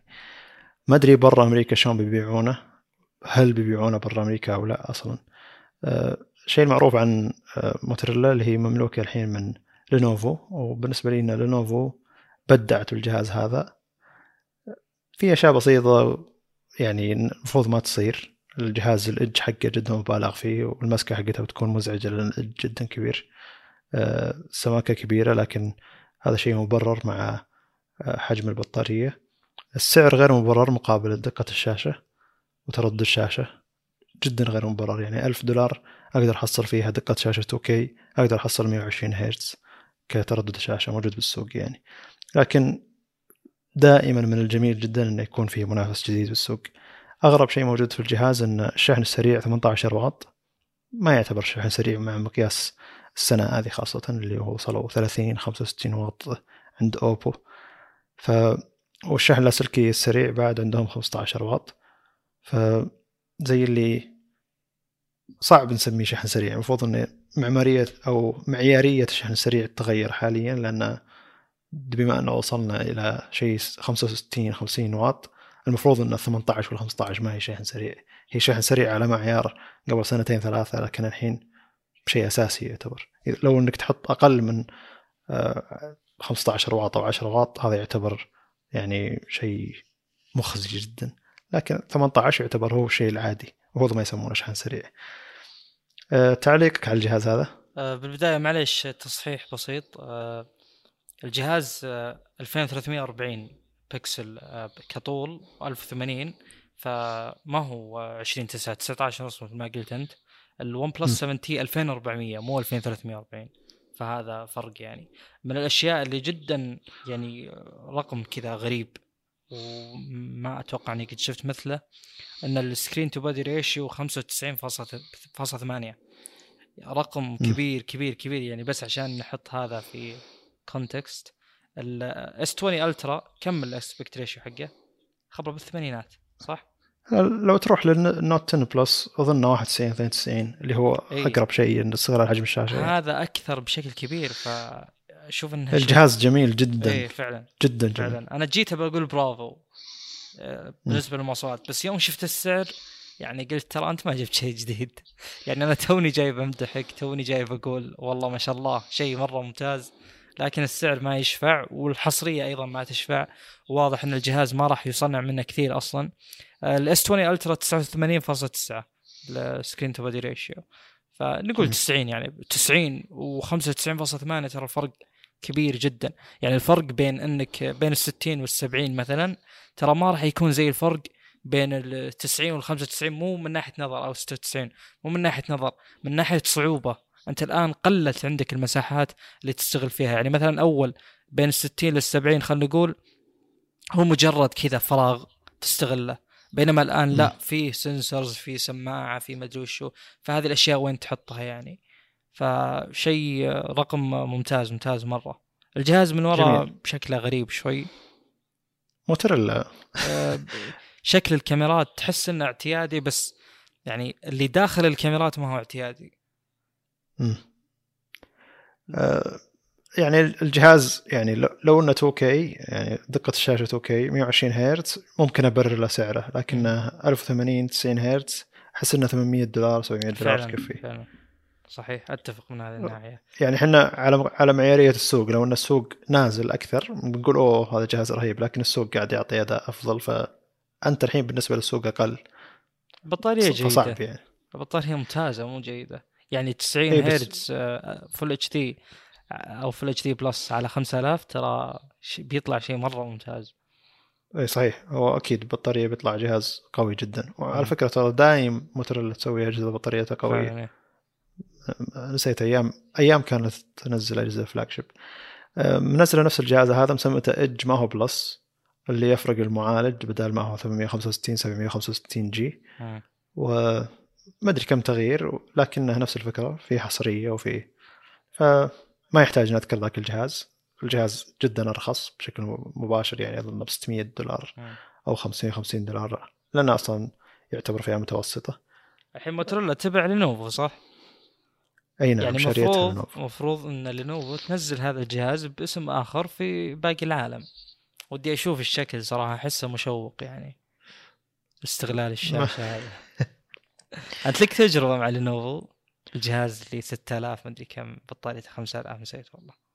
أذكر إنه لا هذا هواوي اول ال Mate الأول. لا لا خلي ال Mate. مو ال Mate 7 ال Mate الأول شريته. كان جهاز ظهر 6 إنش وقتها 16 9 على 3000 ملي امبير كان 3000 ملي امبير وخر عنها يعني. طيب. آه، مو المشكلة هنا. لينوفو أظن Vibe Z2 أو Vibe 2 كان اسمه زي كذا جهاز ألمنيوم. وكان الجميل فيه إنك تقدر تختار بين واجهة جوجل آه، وواجهه لينوفو. يعني إذا فتحت الجهاز تقدر تروح تغير الواجهه إلى واجهة جوجل. يعيد تشغيل نفسه ويشغل لك واجهة جوجل أو يشغل لك واجهة لينوفو إذا كنت غيرتها إلى واجهة لينوفو. كانت ميزة قوية جدا. لكن ما أدري وين لينوفو الحين بالسوق أساسا. يعني ما لها أي صيت ولا تسويق ولا حضور. فحضورها شوي بطابع أمريكي اللي هو موتورولا يعني. فزي اللي حط لها واجهة أفضل. عشان ما يصير لها زي اللي صار مع هواوي طيب الجهاز الغريب الثاني اللي هو يعتبر من جهاز الفئة المتوسطة اللي هو ال Realme X50m 5G أول شيء عشان تعرف يعني وش الغريب الجهاز ذا الجهاز ذا تقريبا 300 دولار سعره 260 يورو. لكن اسمعني عشان تعرف ب 300 دولار وش تحصل بأندرويد. أه، بتحصل شاشة تقريبا إيه شاشة 6.57 إنش. استغلال مساحة الشاشة بالنسبة للجهاز 84.8% الجهاز 1080 20 9 120 هرتز LCD. حلو نمشي اللي بعده. الجهاز يجمع على ال Snapdragon 765 اللي هو الفئه المتوسطة 765G يجي ب 7 نانو يعتبر معالج محترم بالنسبة للأجهزة المتوسطة. أه بعدين يجيك 128 6 جيجا RAM أو 128 8 جيجا RAM. أه أربع كاميرات كاميرا wide ultra wide macro وكاميرا عمق. ما ودي أفصل فيها أكثر. كاميرتين اماميه كاميرا كاميرا عمق اللي هي 2 ميجا بكسل كاميرا wide 16 ميجا بكسل أه فيه أه speaker واحد ما هو سبيكرين يعني 300 دولار. البطارية 4000 ملي امبير ويشحن شحن سريع؟ 30 واط يعطيك تقريبا 70% خلال نص ساعة. 300 دولار ويدعم 5G فزي اللي أحس إن الشخص اللي دفع 300 دولار بيقول لحظة أنا دافع 300 دولار ليش 5G تو الناس يعني. ما دفعت شيء أنا يعني. فهمت اللي؟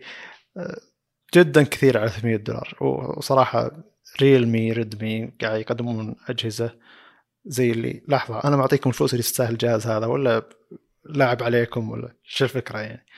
مع إن أحد مدراء شركة شاومي قبل فترة تكلم قال إن أرباحنا في الجهاز تقريبا 1 إلى 2% فقط كصافي أرباح يعني. فلما تفكر فيها من الناحيه هذه تقول آه معقول يعني الحين إن أسعار الجهاز زي كذا أو اسعار الأجهزة اللي هم اللي يسوقون لها زي كذا. مع إن شاومي أسعارها بدأت ترتفع حاليا. ريدمي هي اللي أسعارها بقيت نوعا ما محترمة. لكن آه، يعني قاعد يقودني الحوسة اللي صايرة في عالم التقنية حاليا. والمفروض إنه ما تصير حوسة يعني المفروض إنه جهاز غير محترم وخلاص نوقف. اللي هو تكلمنا عنه الأسبوع الماضي اللي هو الآيفون إس إي 2020 الجديد. يعني هو جهاز من أربع سنين يبون الناس تستخدمه مرة ثانية بسعر 399 دولار 400 دولار. ب 300 دولار تحصل ما أدري ضعفين ضعف ضعف المواصفات مع 5G أربع كاميرات. ما علينا من إن ابل تقدر تخلي الكاميرا تشتغل بشكل أفضل وتعطيك تجربة للنظام بشكل أفضل. ما لنا دخل فيها ذي. لكن شوف الشركات هذه قاعد تقدر تقدم؟ مقابل كم انت قاعد تدفع 300 دولار قاعد تقدم لك استغلال حجم شاشة شاشة 120 هرتز. يعني على الأقل لو حاطين ال LCD حقتهم 120 هرتز ولا استغلوا ساعة الشاشة. ابل مثلا. يعني أي شيء زي كذا غيروا شوي بالمواصفات الماضية. آه، عموما إن دائما لما ترجع شركة كبيرة تقدم شيء رخيص وهي أصلا طول عمرها تقدم شيء غالي فتيجي تقول أكيد الشيء اللي قدمته رخيص شيء ممتاز لأن هي سمعتها غالية. بينما لا الشيء اللي قدمته رخيص ما زال يعتبر رخيص مع إن الفكرة حقتها تعتبر حلوة إنك تحط معالج جديد على شاسي قديم. شركات ثانية لو سوتها بتعتبر بتطلع أجهزة خرافية. لو مثلا سامسونج هواوي حتى لو إل جي سوتها بتعتبر شيء خرافي. تكلمنا عن الأسبوع الماضي ما ودي أعيد الكلام.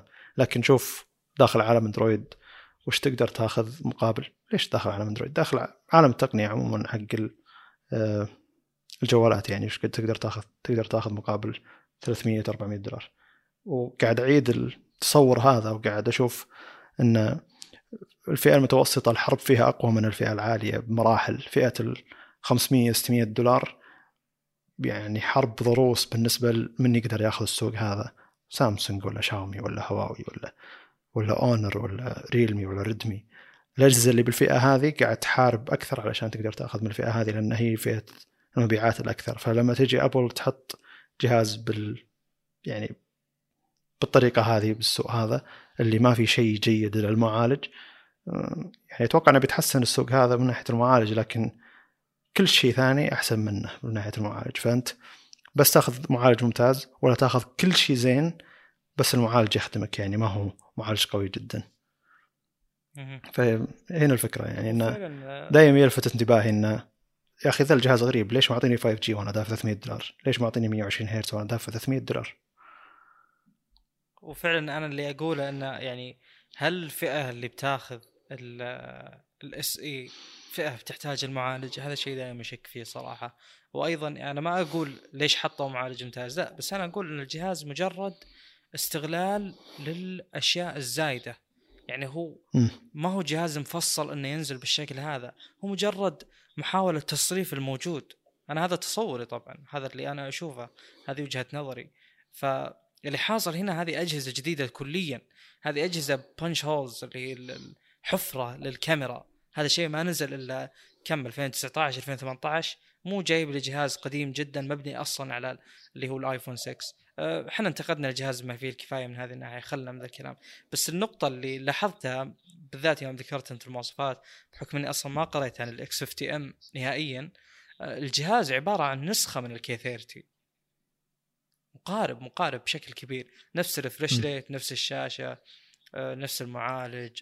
الساعات بس ال K 30 يبدأ من 64 6 وال X 50 M يبدأ من 128 6 الباقي تقريبا نفسه نسخة فعلا. ال K 30 يبدا 255 دولار. جميل. ف يعني فعلا مثل ما قلت أنت الحرب على هذه الفئة جدا قوية. آه، يعني مرات تلفت انتباهك صراحة انه انه في جهاز متوسط غريب للدرجة هذه انه ليش بالسعر هذا؟ لأن فعلا يعني المنافسة بالفئة ذي هي اللي تخلي الشركات تقدم مواصفات غير معقولة مقابل اللي أنت قاعد تدفعه.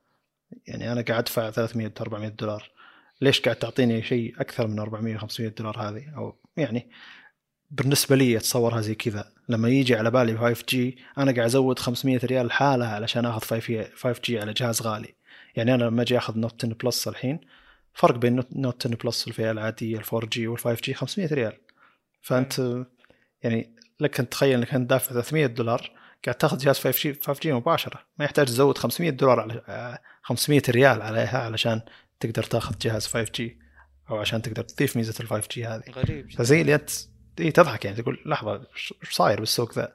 ليش قاعد تعطيني ميزة زي هذه؟ بينما إن المنافسة هنا أقوى هناك فوق ما حد قاعد يقدر ينافس سامسونج مثلا ما حد قاعد يقدر خاصة إن هواوي الحين ما عندها خدمات جوجل. ون بلس قاعد تحاول تنافس يعني قربت مرة. أجهزة واجد قاعد تحاول تنافس قربت مرة لكن الفئة ذيك جدا صعب إنها يعني إن تجي شركة تقول لك من المعقول إنك تدفع لي 4000 ريال على جهاز. سامسونج لما لما أجي أقول إني بدفع 3600 ريال على Note 10 Plus 5 G تقول okay بس أنا شاري جهاز سامسونج لكن بقية الشركات قد ما يكون مبرر لها إنها إنك تقدر تدفع لها مبلغ هذا المبلغ على جهاز. فأتوقع إن هذا الشيء يبرر إن الفئة المتوسطة هي الاكثر عليها حرب يعني وانه شيء مبرر إني أدفع 1600 ريال 1500 ريال على جهاز من شاومي ريلمي أوبو أونر يعني الحرب اللي صايرة فيها. ف زي اللي عشان كذا هذول قاعد يعطون ميزات إن حتى الفئة ذي ما تتصور إنها الميزات ذي موجودة فيها مم. وأنا ف- أتوقع إن التعصب بهذه الفئة أقل مو زي الفئة إيه، صحيح. الأولية. صحيح المستخدم يشوف المواصفات وش اللي يخدمني مقابل الدولار حقي أخذه اللي ما يخدمني السلام عليكم يعني بصريح العبارة مم. طيب نروح الخبر اللي بعده يلا آه، توني جاي بسألك طيب هذا هذول خبرين بالأخير آه، أتوقع إنك تقول شيء بعدهم بس عموما الخبرين هذول فيهم ارتباط ببعض بحكم إنهم كلهم آه، مرتبطين بي ام دي الخبر الأول اللي قريته استغربت منه آه، نوعا ما آه، بس ممكن يكون صحيح اللي هو إن AMD في الربع الأول من 2020 بسوق اللابتوبات فقط سيطرت على ثلثين السوق حاليا كمبيعات. ما هو كحصة سوقية ومستخدمين فعليين بس إن التوجه والمبيعات اللي حصلت بالربع الأول كان يعني ال AMD النصيب الأكبر منها. وأنا أشوف إن هذا الشيء جدا منطقي مع نزول الجيل الرابع من Ryzen اللابتوبات. يعني آه، فعلا هذا الوقت اللي خلاص المفروض يزيد التوجه ل AMD وإن المصنعين أو اللي يجمعون طقه اسوس ايسر وغيرهم يتجهون ل AMD بشكل أكبر. ويعني تكون فعلا الصفقات تستاهل. آه، وكل شيء يكون محفز يعني للسوق إنه يتجه ل AMD لأن هذا الوقت مثل ما ذكرنا سابقا إنه أصلا يعني التفوق اللي حصل AMD بسوق اللابتوبات أكبر وأكثر استحقاق للحديث عنه من التفوق اللي صار بال desktop لأن سوق اللابتوبات بحاجة أكثر إلى توفير الطاقة والنحافة والى آخره. آه، طيب آه، إذا عندك شيء ولا أكمل اللي بعده لأن كلهم حول بعض. اي أنا الغريب إن AMD يعني AMD ما تقول إنها تحسنت وقدمت معالج 3950 X وخلاص وقفت. لا هي قاعد تاخذ فئة الأجهزة المحمولة وفئة المعالجات العالية وفئه المعالجات المتوسطة وفئة المعالجات الرخيصة. حتى في معالجين نزلوا قبل فترة الظاهر 90 دولار واحد أو 99 دولار اللي هو مرة entry level يعتبر يعني معالج ب 400 ريال إلا أنه تقدر اي هي المعالجين نزلوا مع بعض من أرخص المعالجات اللي هي فئة جدا رخيصة إحنا ما تكلمنا عنها. لكن هذه الفئة بتخلي الناس اللي اللي يجي يسألك إنه أقدر أسوي P آه، C بنفس قدرات ال PlayStation مثلا هذا المعالج بيقدر يعطيك نفس قدرات PlayStation 4 مثلا. لما تحط عليه زي مثلا 2060 آه، Super GT GTX إي. لما بتحط عليه كرت Nvidia 2060 سوبر على معالج من AMD ب 100 دولار وممكن يكون عليه تخفيض يطلع لك ب 85 دولار بيعطيك أداء PlayStation 4 أو أعلى بعد من أداء PlayStation 4 ال 2060 سوبر يعتبر أداء أعلى من ال consoles الموجودة الحين. عموما يعني قاعد تضرب في كل مكان AMD يعني زي اللي أظن الخطة ذي مسبقة من سنه من سنة أو أكثر أو سنتين. وأظن الشيء ذا مخطط له وما هو ما هو شيء مفاجئ بالنسبة لي إم دي زي اللي تقول إحنا مخططين الشيء ذا وعارفين إن إحنا بنصدر بذاك الوقت بنقدر نتصدر ونمشي صح. لكن إنها تجي للفئات ال... يعني إحنا ننبهر لما لما نزلت الفئة العليا وضربت. أو أول شيء بدأت بالفئة المتوسطة اللي هي 3600 3700 3800 ثم 3950 X 3900 X ثم Threadripper ثم الحين الفئة الأرخص. ثم الجيل الرابع من الأجهزة المحمولة. فيعني حرفيا ما في سوق ما نزلت فيه AMD وضربت فيه Intel حرفيا يعني خلاص. ما قاعد أقدر أفكر بسوق من أسواق المعالجات. أي سوق ما نزلت فيه AMD معالج أحسن من موجود عند انتل وأرخص. خلاص يعني. ايا كانت الفئة اللي أنت بيها ايا كان استخدامك بتحصل عند اي ام دي شيء أرخص وأداء ممتاز مقابل انتل اللي بعده؟ طيب اللي بعده يخص يعني تبني التقنيات الجديدة اللي هي بالأصل موجودة لكن مثل ما قلت تبنيها على السوق هذا أو سوق المستخدمين.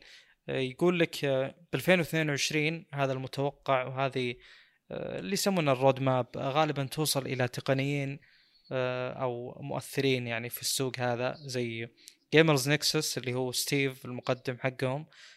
يعني الخبر يقول إنه وصل له ال roadmap حق AMD وش بيصير. فالمخطط مثل ما طبعا تكلمنا قبل ان مثلا السبع نانو بتنزل أو نزلت بهذا الوقت الخمسة نانو بتنزل ذا الوقت.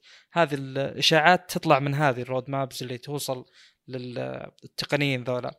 فهذه ال roadmap تقول إنه ب 2022 آه، بيبدأ يعني نزول ال DDR 5 على الأجهزة يعني الأجهزة المستخدمين أو سوق المعالجات المستخدمين العاديين يعني ما هو ال business to business مثلا.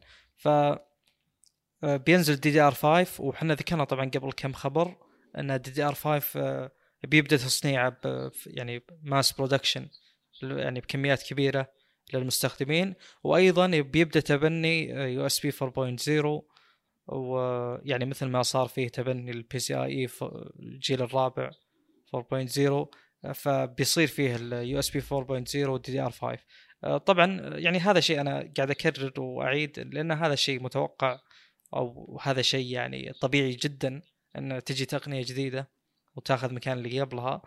ال DDR 5 في الأصل طبعا بيختلف آه، منفذة فيزيائيا فما راح يمديك تركب أصلا DR 4 مع أو مكان DDR 5 أو أو العكس يعني. فبيصير يعني هذا التغيير ما هو سهل ترى. هو ما هو مجرد إن عندك USB 4.0 تبي تشبك عليه USB 3.0 أنت ما تبي السرعة كلها بس تبي يشتغل على الأقل. ف يعني بيصير في تغيير كبير جدا للسوق.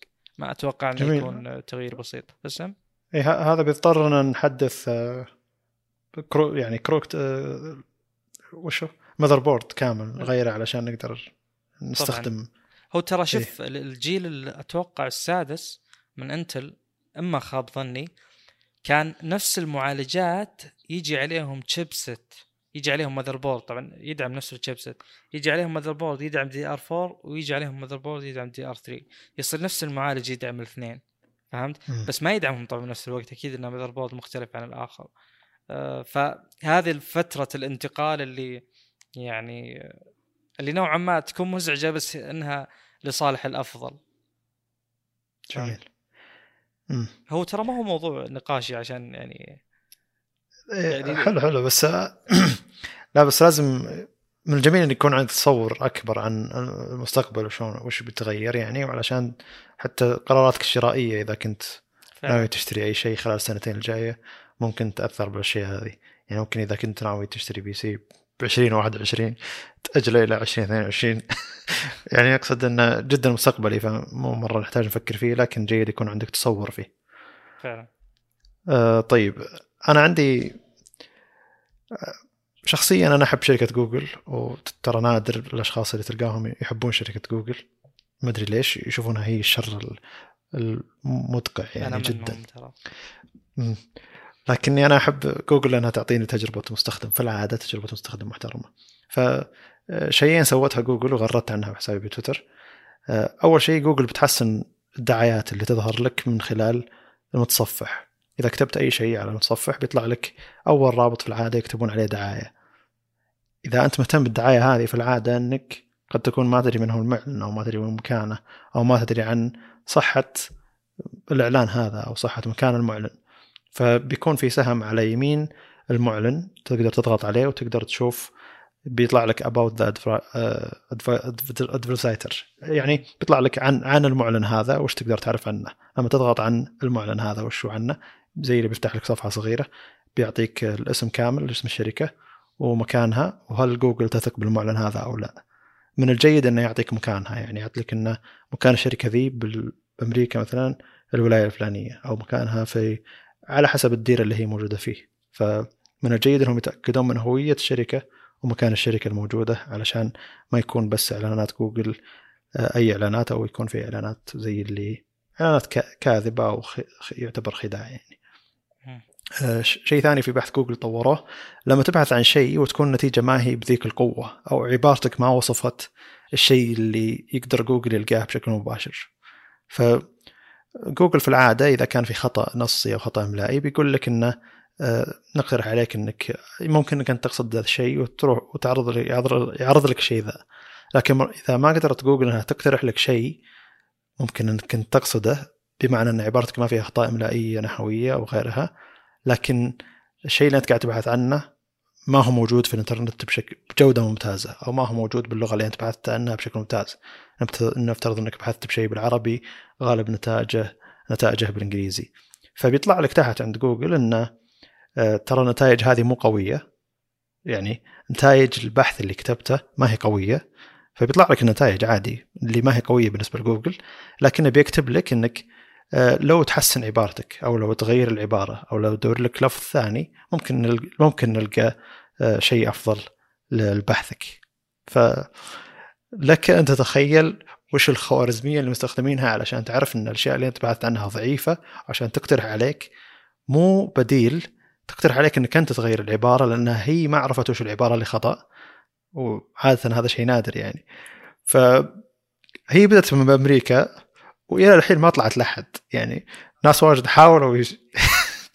يعني ناس واجد حاولوا يبحثون عن شيء جدا معقد بحيث إن جوجل ما يقدر يطلعه.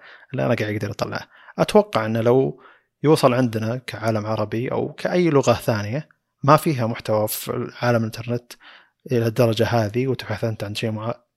يعتبر معقد وما هو موجود له نتائج باللغة العربية فقد يقترح عليك إنك تحسن عبارتك أو تدور لفظ ثاني أو مثلا لغة ثانية. ف يعني هذا شيء أنا ما تصورته. يعني أنا كنت منبهر إنه يقدر يطلع اخطائي النصيه والنحويه أو يعرف إني أنا قاعد أكتب بالعربي والأصل إن الكيبورد كان إنجليزي أو أشياء عكس بعض يعني. فهذيك كانت أشياء مبهرة. فكيف إنه مبهر من ناحية إنه يدري إن النتائج ضعيفة وما راح تخدمك ويقول لك غير عبارتك أو دور لغة ثانية. يعني جدا مبهر. أنا كتبت تغريدة عادي وما في عليها أي تفاعل لكن كمية انبهاري كانت غير معقولة لأن عندي تصور شلون البرمجة تشتغل عندي تصور آه، وش الشغل اللي وراء هذا الشيء جدا مبهر ف وش رأيك؟ أنا قد آه، يعني طبعا هذا هذا الشغل كله حصيلة سنين من البحث ومن التطوير وإلى آخره فما هو شيء سهل ولا هو شيء يحقق بيوم وليلة نهائيا. آه، أنا قد اشتغلت على مشروع كان عبارة عن اوتوفيل فقط إكمال يعني. يعني أنت كتبت كلمة إذا كنت كاتبها من قبل يعبيها لك. الموضوع كان فيه يعني تعقيد صراحة كبير جدا يعني عبارة عن data structures داخل data structures عندك list list هذه داخلها list مثلا ولا داخلها queues إلى آخره. فما كان شيء سهل. فما بالك في إنه يعتمد يعني هذا أنا اللي كنت أبحث عنه كان عبارة عن database بسيط اللي هو وش بحث عنه ال user. فما بالك إنه يحتاج يبحث وياخذ النتائج هذه ويحللها ويطلع منها هل هذا الشيء يناسب ولا لا. فصراحة شيء مبهر مبهر جدا. يعني أنا كل ما فكرت بالأشياء هذه الاقتراحات وإلى آخره يعني أقول أن هذا الشيء آه، معقد معقد بشكل يعني أي مستخدم. يعني أنا صراحة أقول مسكين المستخدم العادي اللي ما يدري وش الجهد أو ما يدري كيف أن الأشياء هذه جدا معقدة وينبهر منها. أنا يعني أطبق هذا الشيء وألاحظه في جميع الأمور. يعني مثلا إذا لعبت لعبة أقول كيف إن المطورين خلوا إذا دخلت لهذا المكان يطلع الشيء الفلاني. وإذا ما دخلت شلون سووا هذا الشيء؟ الأصوات ليش تتغير إذا دخلت للمكان الفلاني؟ وين تبدأ حدود هذه المنطقة مثلا؟ أو الاشياء هذه أو إيش يسمونها؟ ال decision trees اللي هي القرارات حقت اللعبة مثلا. كيف سووا هذه كذا؟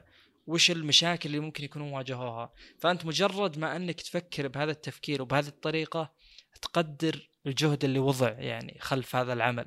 وأنا يعني من أول ما دخلت لهذا المجال وأنا أحمد الله يعني وأقول الحمد لله فعلا إني بديت أقدر الشيء اللي أشوفه أكثر وأكثر. وبديت يعني أحترم المشاكل البرمجية اللي يواجهونها المطورين بأي مكان. المستخدم العادي إذا جت له اي مشكلة ممكن يتنرفز منها ويعني ما يحط أي عذر للمطور مع إن المطور ماخذ فلوس ومستفيد بالأخير بس ولو في مشاكل يعني صعبة جدا وممكن تكون مشاكل بسبب إن الدومين اللي يشتغل فيه المطور جديد جدا. يعني مثلا أنا أقول الآن آه، فيه آه، محركات ألعاب مدعومة وإلى آخره. طيب وش الوضع قبل سنين؟ يوم كانت الشركات تسوي لها محرك لعبة وتطور عليه وكذا عشان تطلع بمنتج زين يعني. وش الوضع؟ يعني بتطبيقات الويب قبل يوم كان ما في frameworks لها يوم كان ما في أشياء جاهزة يوم كان حتى الزر الواحد تحتاج تكتب له مليون سطر عشان يشتغل. ف يعني أنا دائما أقدر آه الأشياء هذه. وطبعا الأشياء اللي من جوجل دائما تكون مبهرة أكثر. آه اللي جرب يشتغل على GCP اللي هو Google Cloud Platform أتوقع بيفهم اللي أقصده. كيف إن جوجل الحين موفرت لك إنك تعتمد على خوارزمياتهم بال machine learning وغيره آه بالتعرف على الصور وإلى آخره موفرين لك الخدمة هذه. مجرد إنك تحتاج تسوي كم شيء زي وضع Firebase بالضبط اللي أتوقع كثير قد اشتغلوا على Firebase اللي هو عندهم Firestore اللي هو database مستضاف بشكل سحابي من جوجل. يعني ما هو ما تحتاج server أنت. خلاص جوجل ماسكين الوضع. لك الظاهر إلى جيجا free ولك 30000 request ظاهر log in أو شيء زي كذا. ففعلا هو لك حد بس إنه على الأقل يمديك تستضيف يعني مثلا أنا الآن توني مسوي تطبيق مشروع آه، ما نشرته إلى الآن بس إنه آه، اعتمدت فيه على Firebase أنا ما أحتاج بيانات كثيرة مثلا. أحتاج شيء بسيط جدا مجرد طلبات بسيطة جدا جدا بين ال user وبين ال database آه هذا وفرها لي. يعني مثلا أنا الآن لو أبي أسوي server آه ال server أكيد إنه يعني بيتحمل بيانات كثيرة. طب أنا ما أحتاج بيانات كثيرة فبدفع كثير صح ولا لا؟ أنت معي ولا؟ إيه إيه، معك. اي فالشيء البسيط هذا اللي هو مجرد جيجا و30 ألف request يعني هو شيء سهل على جوجل. يعني مثلا أنا الآن لو عندي server آه، خلينا نقول 4 tera أقدر أسوي آه، كذا عدد من المشاريع. طب أنا ما أحتاج هذا العدد ما أحتاج ال ال 400 مشروع هذا مثلا أبي واحد بس فأكيد إنهم بيوفرون عليك يعني من هذه الناحية.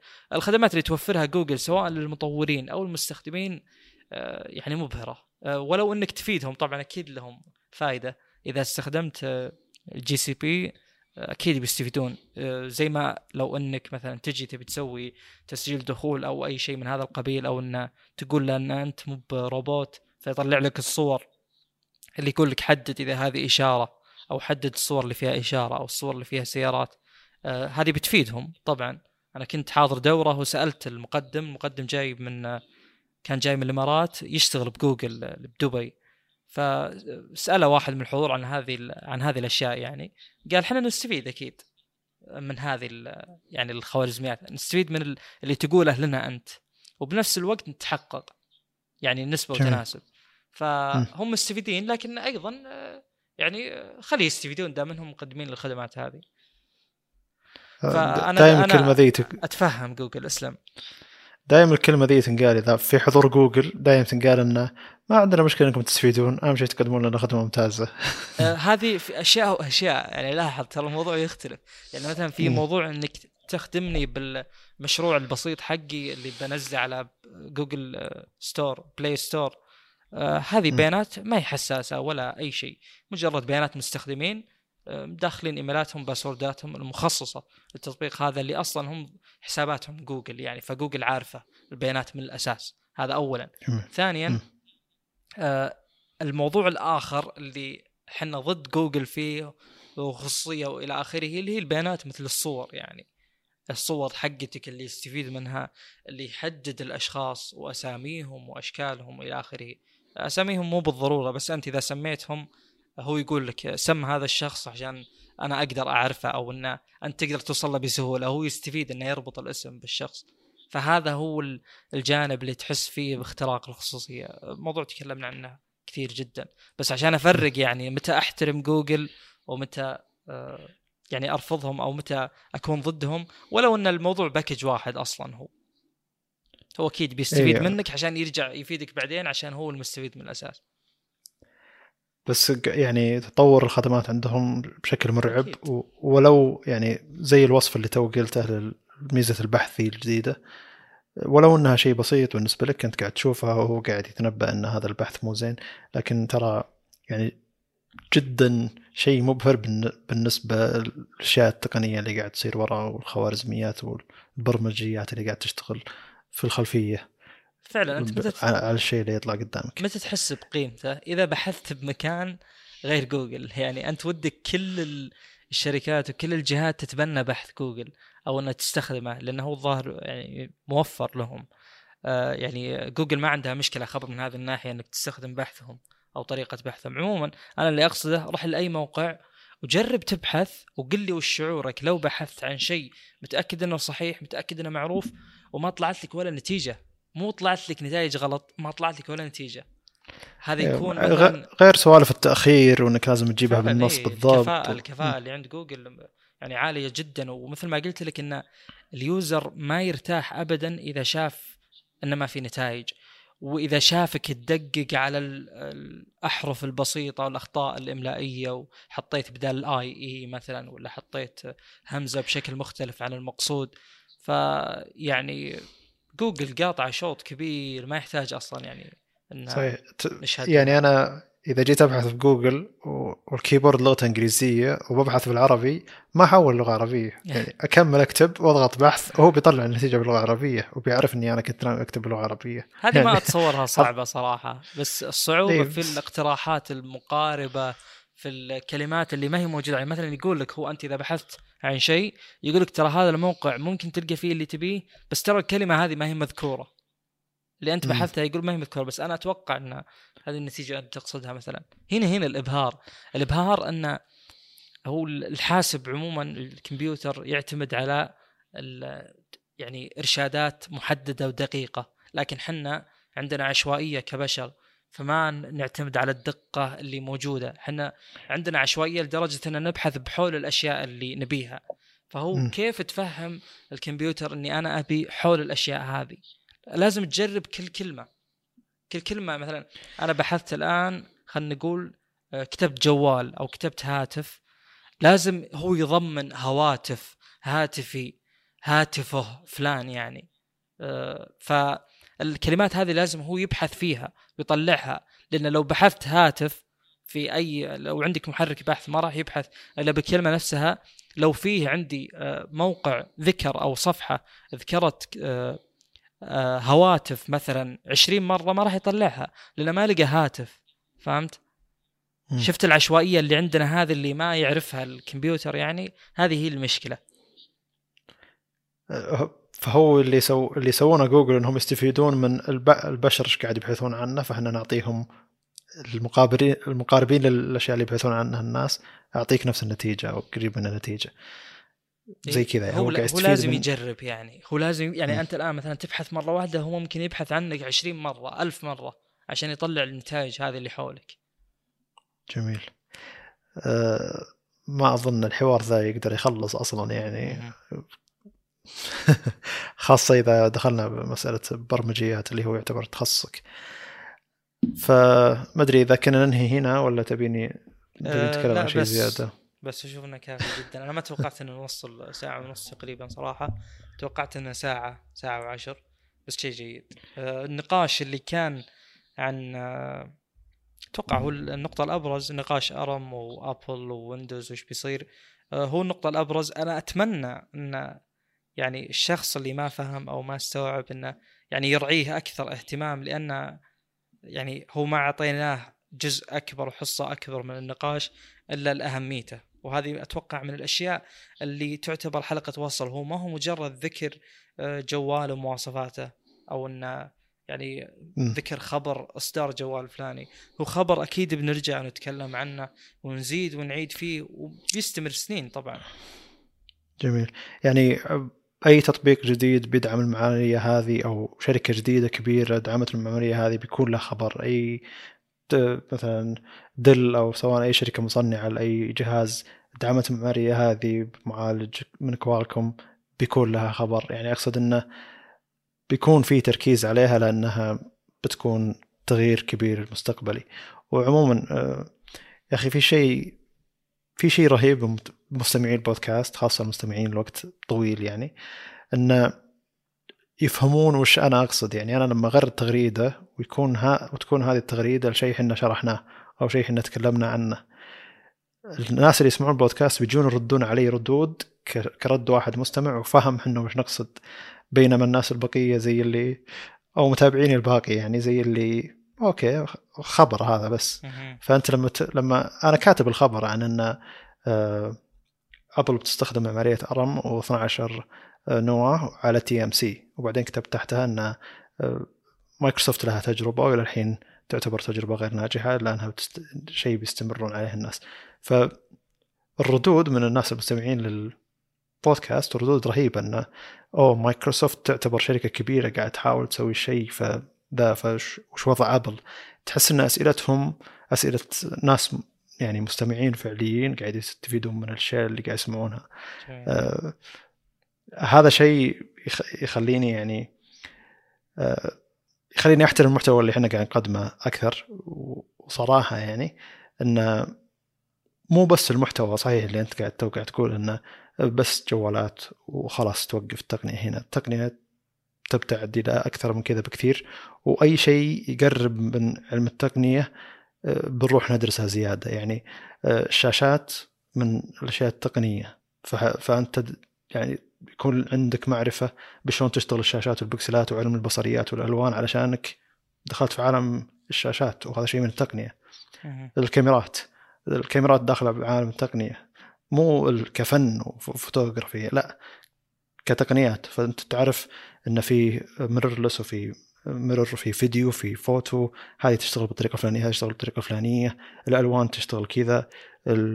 يعني الفلاتر الفلاتر اللي على الكاميرات أو ال- إيش يسمونها؟ ال flat picture profiles شلون تشتغل وليش الألوان قاعد تتغير هنا وهنا شلون قاعد نلون اللقطة وهنا. يعني أقصد يكون لك علم إنه شلون يتوسع ال dynamic range وال HDR شلون يشتغل وال والمثلث الضوء شلون يشتغل اللي هو في عالم التصوير. أقصد يكون عندك تصور جدا أكبر عن علم بصريات أو كيف تشتغل العدسات أو كيف العدسات هذه تزوم يعني يكون عندك معلومات كبيرة جدا في في علوم ثانية علشانك أنت قاعد تطلع التقنية وهذا شيء يخلينا إحنا نحب التقنية. بينما حصر التقنية مسائل أبسط من كذا مع إن الجوالات يعني قاعد تضم أشياء كثيرة من التقنية تحطها في جهاز واحد لكن أقصد إنه تطور في عالم الجوالات تطور في عالم يعني والنقاش في عالم إن هذه الشركة ما تبيع ما تبيع هذه الشركة زي كذا هذا يعتبر نقاش صغير من التقنية لازم التقنيه لازم يكون عندك تصور إن التقنية أكبر من الشيء هذا بكثير البرمجة شيء أكبر من هذا بكثير والناس اللي يسمعوننا ويسمعون جميع نقاشاتنا مو بس المخصصة بالجوالات بيكون عندهم تصور انه لما أجي أحط خبر زي هذا هو خبر يعتبر صدمة ويعني زي اللي أو أبل دعست مع مايكروسوفت وتبي تكمل فهمت علي؟ ف زي اللي أنا مستمتع جدا بالردود على هذه التغريده مع أنها أربع ردود أو خمس ردود. شيء جدا يعتبر ممتع بالنسبة لي إني أدري إن في ناس مهتمين إلى هذه الدرجة بالتقنية مثلي يعني. ف شيء جدا ممتع. وهذا من أهداف البودكاست. إحنا في البدايات قلنا انه بناء مجتمع تقني أفضل. مو بس مجتمع يعني يحارب شركة أو عنده تعصب لشركه معينة أو ما يحترم شركة معينة أو مجرد تعصب وفهاميه بنقطة واحدة فقط والتقنية الباقية اللي هي عالم جدا كبير ما يفهمون فيه شيء. ولا شخص يعرف بشركة واحدة ويعرف نظام شركة واحدة ويعرف شلون يصلح النظام هذا وشلون يشغل تطبيقاتها ويعرف إعداداتها وخلاص يسمونه شخص خبير تقني. أنا ما أسمي نفسي خبير تقني الحين مع إني يعني النية دراسة هندسة حاسب يعني. علشان أقدر أكون أفهم أكثر بالشيء ذا. ومع ذلك ما راح للحين ما أسمي نفسي خبير تقني. أقصد أنه مع أنه مسمى خبير تقني مسمى واسع يعني. أو كل من يقدر قاعد يسمي نفسه الاسم ذا. المهم أن الشخص يفهم شلون يشغل الجوال ويشرح لك عن تطبيقات ويعني هذا قاعد يفيد الناس شكرا له يعني قاعد يقدم محتوى لكن هذا ما هو قاعد يحل كل المشاكل. هذا ما هو شخص يعتبر مرجع تقني لكل المشاكل وقد ما يكون عنده الاطلاع اللازم إنه يقدر يسولف لك عن أشياء زي كذا عنده الاطلاع اللازم علشان يتكلم عن أشياء أو يعني يتنبأ بأشياء مستقبلية ويسولف عنها. من الممتع أيضا إنه تنبأنا أشياء كثيرة في البودكاست هذا عن أشياء قادمة ومن الممتع إنها تصير يعني. فشكرا للمتابعين. مع أن عددهم ما هو كبير ان مستوى فهمهم ممتاز جدا وتفاعلهم معنا جيد. طيب بضيف نقطة بسيطة بس على موضوع ارتباط المحتوى حتى بأكثر مما ذكرناه قبل شوي لدرجة ان الآن مثلا إحنا ذكرنا موضوع تصنيع ابل أو تعاونها مع TSMC عشان الخمسة نانو هذا مرتبط في أن يوم تكلمنا عن جوجل إنها بتروح مع سامسونج عشان تسوي الخمسة نانو حقها. ف جميل. يعني الآن اللي قاعد يصير بالسوق محاولة توزيع الضغط بين الجهتين خلينا نقول ذولا أو المصنعين الموجودين حاليا بالسوق. فكلها أشوف إنها مرتبطة. هذا اللي عندي. طيب شكرا لكم وحاولوا تنشروا البودكاست بشكل أفضل. علشان نستمر إحنا معكم بشكل أكبر. السلام عليكم. بالتوفيق.